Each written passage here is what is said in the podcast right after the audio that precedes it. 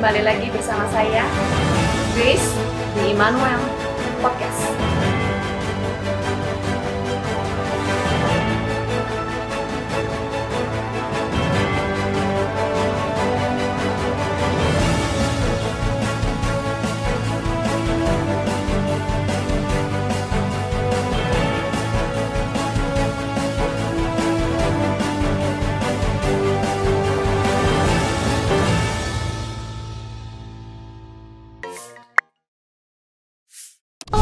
Immanuel, kembali lagi bersama saya Grace di Immanuel Podcast. Saat ini kita mau ngomongin satu kata yang luar biasa di masa pandemi yang jadi mungkin eh, tren kali ya.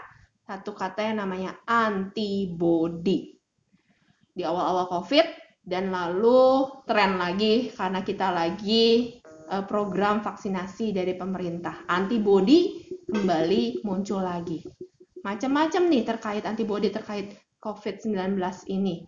Ada rapid antibody, antibody kualitatif, antibody kuantitatif. Aduh, saya aja sebagai dokter aja ngikutinnya bingung nih. Nah, oleh karena itu, pagi ini kita mau bincang-bincang dengan ahlinya dari Rumah Sakit Immanuel, tentu saja Dr. Ivana Sulianto, spesialis patologi klinik. Halo, Dokter Iip. Saya sorry, saya langsung manggilnya Dokter Iip. Ini memang dia teman banget kita ya dok ya dari Unpad, terus sekarang sama-sama kerja di sini, Dokter Ivana. Dok, antibody. Sebenarnya apa sih antibody apalagi ya? Konteksnya kita eh, se- persempit lah ya. Kalau misalnya kita ngomongin semuanya mungkin textbooknya aja kan tebal banget ya dok. Antibody imunologi itu kan tebal banget ya udah. Tentang antibody COVID-19. Sebenarnya pengertiannya bagaimana ya dok? Ya, jadi sebenarnya eh, antibodi itu nggak cuma miliknya COVID, Iya. tapi semua penyakit itu bisa eh, menimbulkan antibodi. Hmm. Intinya sih itu pertahanan tubuh kita. Iya. Kan kita tahu kita punya eh, leukosit, punya prajurit-prajurit di tubuh kita Iya, gitu kan iya. ya. Nah, salah satunya eh, pertahanan tubuh kita itu kalau ada kuman masuk, apakah itu bakteri, virus, jamur dan sebagainya. Nah, itu akan eh, tubuh kita akan melawan. Iya. Caranya bagaimana? Salah satunya adalah dengan membentuk antibodi. Hmm. Nah, itulah yang kita lakukan, yang kita periksa untuk eh, pa- eh, penyakit COVID ini, Iya, COVID-19. Jadi, eh, walaupun ini bukan salah bukan satu-satunya pertahanan tubuh, tapi hanya salah satunya. Iya. Nah, kapan antibodi itu dibentuk? Iya. Nah, itu kan yang menjadi permasalahan Iya. di awal-awal COVID Iya, kan iya. Kita eh, apa namanya modalitas kita waktu itu untuk mendiagnosis COVID hanya antibodi karena waktu Iya. itu pemeriksaan PCR itu lama Eh, Terbatas banget ya. Terbatas dan itu. hasilnya Jadi eh, karena lama. terbatas jadi lama karena Iya. antri yang untuk periksa ya dok ya. Ya, Mm-mm. betul. Jadi eh, waktu itu digunakan eh, pemeriksaan antibodi untuk eh, diagnostik. Hmm. Benar nggak sih sebenarnya tepat nggak waktu Iya, itu? iya, Ya iya, mungkin iya, karena betul. waktu itu saatnya memang nggak ada modalitas lain Iya. ya mau nggak mau kita pakai. Iya. Tapi eh, saat ini kan eh, pemeriksaan eh, PCR itu kan sudah available, Iya. sudah banyak ya. Eh, berkat juga bantuan pemerintah eh, itu sekarang tuh udah banyak banget pemeriksaan PCR. Termasuk di manual juga ada ya dok ya. Ada di pemeriksaan Immanuel. Jadi PCR. kita bisa dalam 4 jam hasil tuh bisa keluar. Iya. Jadi eh, saya rasa untuk diagnostik Dulu empat hari belum tentu ya dok ya. belum seminggu. Iya iya iya iya. Jadi, nah, jadi kapan kita periksain antibodi Mm-mm, itu? Memang antibodi, semua rata-rata antibodi itu kalau dari penyakit apa pun itu baru terbentuk minimal lima hari, Oh, minimal lima hari. dari awal masuknya kuman itu maksudnya. Eh, dari Dari awal atau- gejala, Dari awal gejala. Oh. minimal lima hari. Mm-mm. Dan untuk COVID, eh, karena ini penyakit baru, Iya. itu kita banyak melakukan penelitian-penelitian Iya, di iya, seluruh iya. dunia. Iya. Untuk COVID itu eh, sekitar 10 hari. 10 hari antibodinya baru baru Terbentuk, ada, baru iya. bisa diperiksa di lab, baru muncul gitu di lab setelah 10 hari dari timbul gejala. dari timbul gejala. Oh, iya iya iya. Beda ya, Dok ya? Dari timbul gejala sama masuknya kuman. Itu beda lagi ya, Dok ya? beda. Iya, Masuknya iya. kuman kan pada saat kita terinfeksi. Iya, iya. Misalkan kita eh, makan bareng Iya, iya. atau kita meng- tidak menggunakan masker bertemu dengan pasien yang ternyata menderita COVID-19. Itu saat masuknya.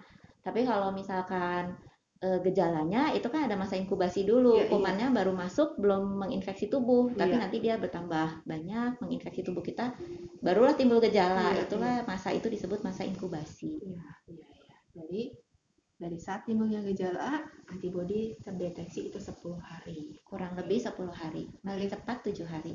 7 sampai 10 hari. Iya. Itu dari segi waktu. Dok, lalu di situ timbul antibodi itu macam-macam ya untuk COVID-19 ini.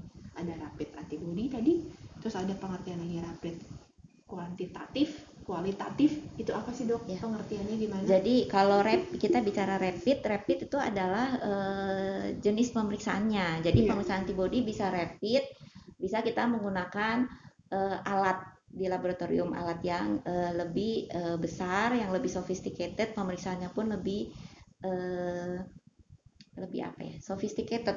Ya.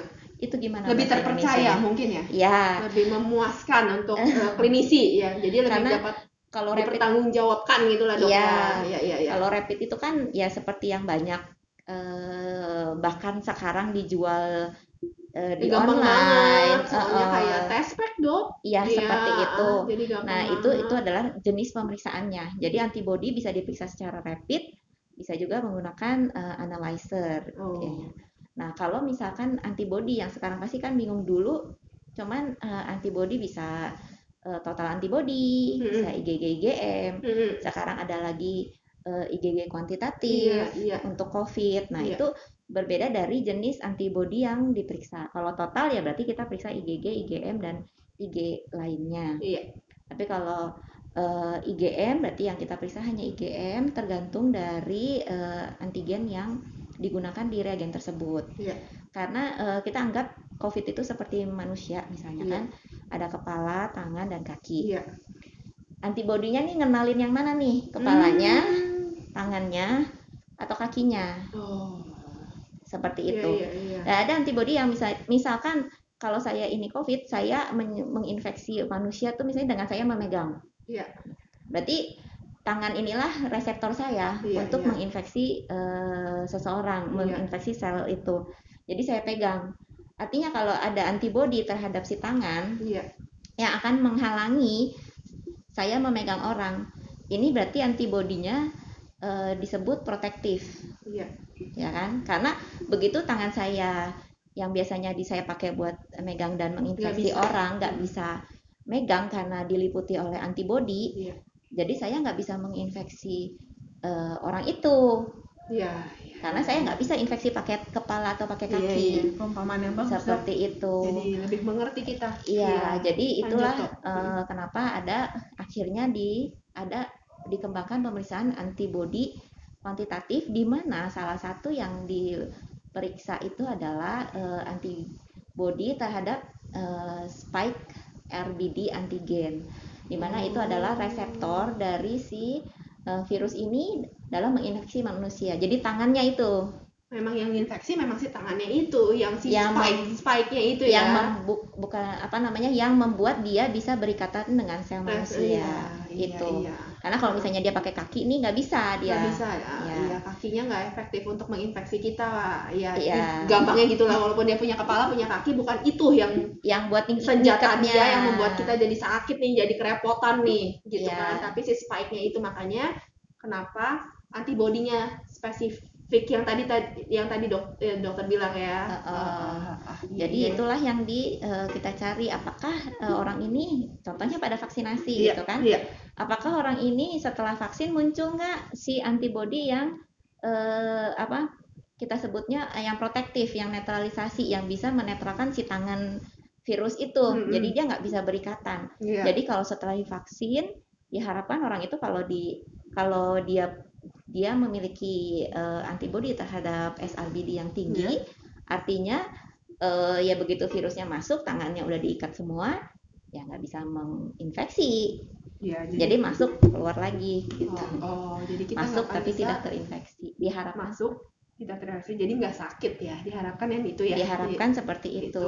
Ba- di episode sebelumnya apa itu perlunya vaksinasi bersama dokter Yosua? Waktu itu dok. Kita Hmm. udah. Ya baik lagi dok.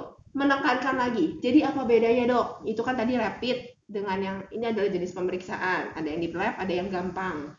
Ada yang nah kuantitatif kualitatif. Apa bedanya dok? Kalau eh, kualitatif itu lebih kayak eh, ada atau tidak, hmm, yang kan? kalau bahasa labnya dok? Ya reaktif, non reaktif. oh Atau iya, iya. eh, kalau misalnya kuanti, kita sampai menentukan ada dan berapa kadarnya. oh itu kuantitatif beda Ya, ditemukan dan berapa kadarnya Kadarnya Nah, dalam darah. titernya iya. Dan Bukan ada- titer. Kalau Oh, beda lagi ya, itu ya? semi kuanti. oh Jadi dia iya. tidak bisa menentukan berapa kadarnya dalam darah, tapi Hmm. dia cuma bilang ini titernya sekian. Tapi kadarnya berapa nggak bisa bilang. Hmm, tapi kalau itu kuanti, semi kuantitatif itu kalau semi dia ngomong di lab itu ada kertasnya titernya sekian Ya, itu semi Oh, kuanti. semi kuantitatif Eh, eh. Kalau kuanti Oh, itu iya. kadarnya berapa? Misalkannya dia 1000 eh, AU per mililiter.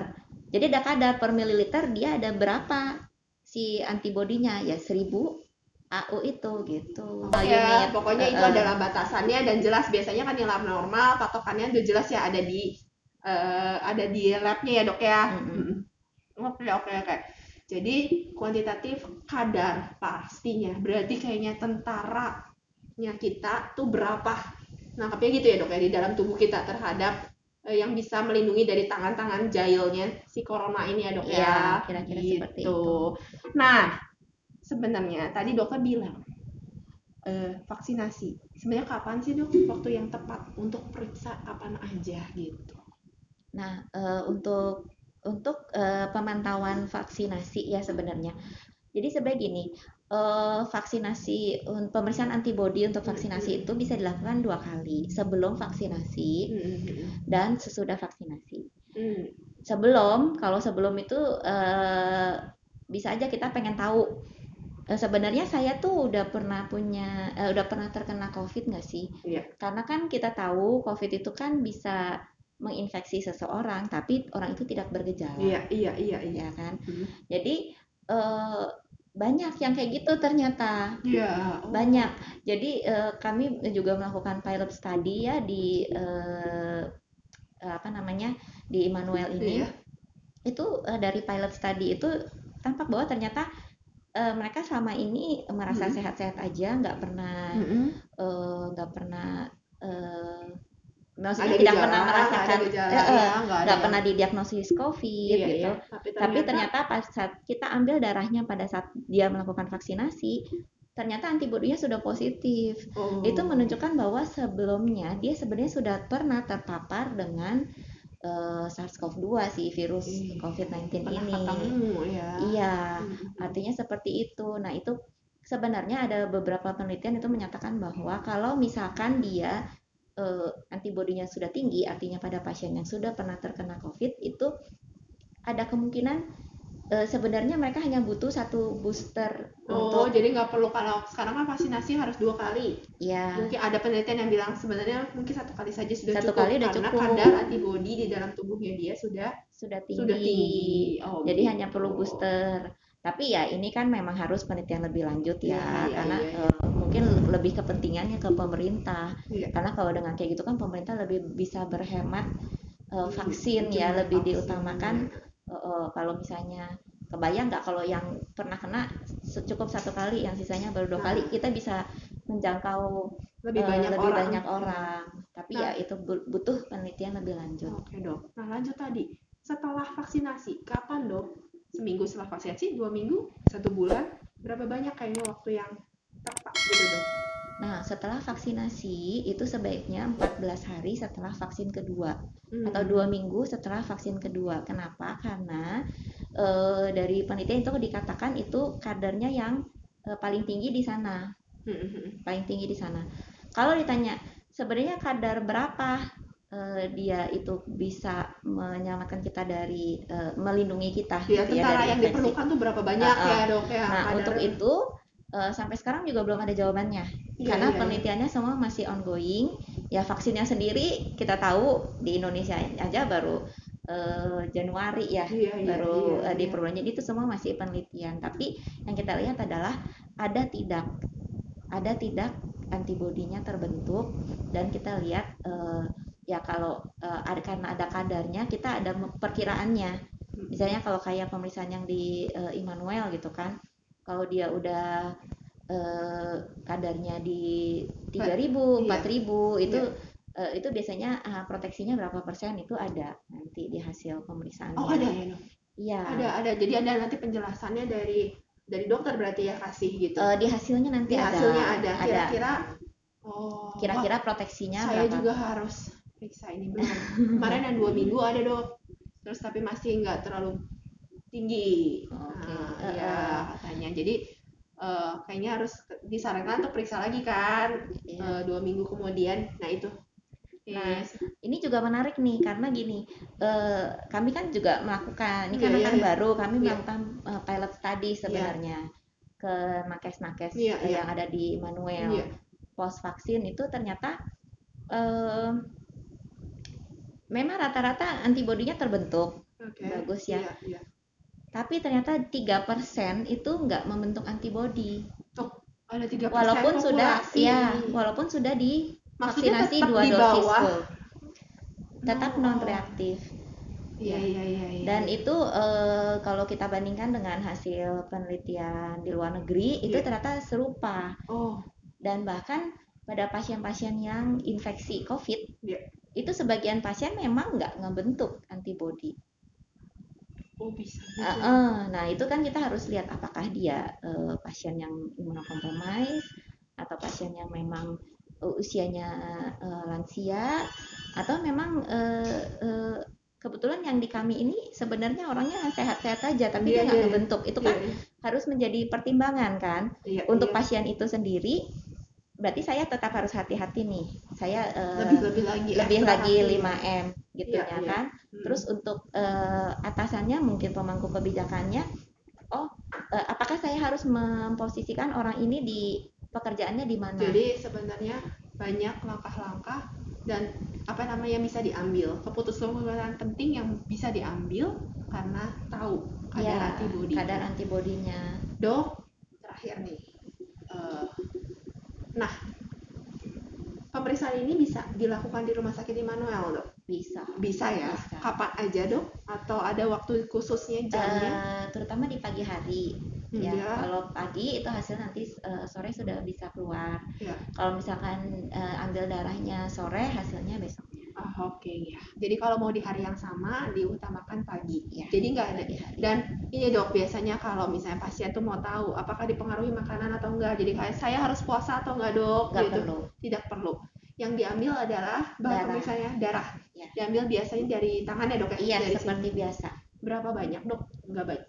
Eh, kita sta- eh, standar sih cuma 3 cc 3 cc. Tiga cc. Itu kurang dari satu sendok teh ya dok ya. Sebenarnya ngeliatnya aja kayak yang banyak. Padahal sebenarnya hanya 3 cc untuk periksa kadar antibodi tadi disarankan sebelum vaksinasi eh, Dan sesudah dua vaksinasi minggu dua setelah minggu vaksinasi kedua perlu pemantauan lagi nggak dok untuk kadar berikutnya gitu. Disarankan. Eh, saat ini belum. Iya. saat ini belum. Kita lakukan pemantauan itu hanya karena untuk eh, penelitian. Iya iya. Tapi kita nggak tahu nanti perkembangannya ke depan seperti apa.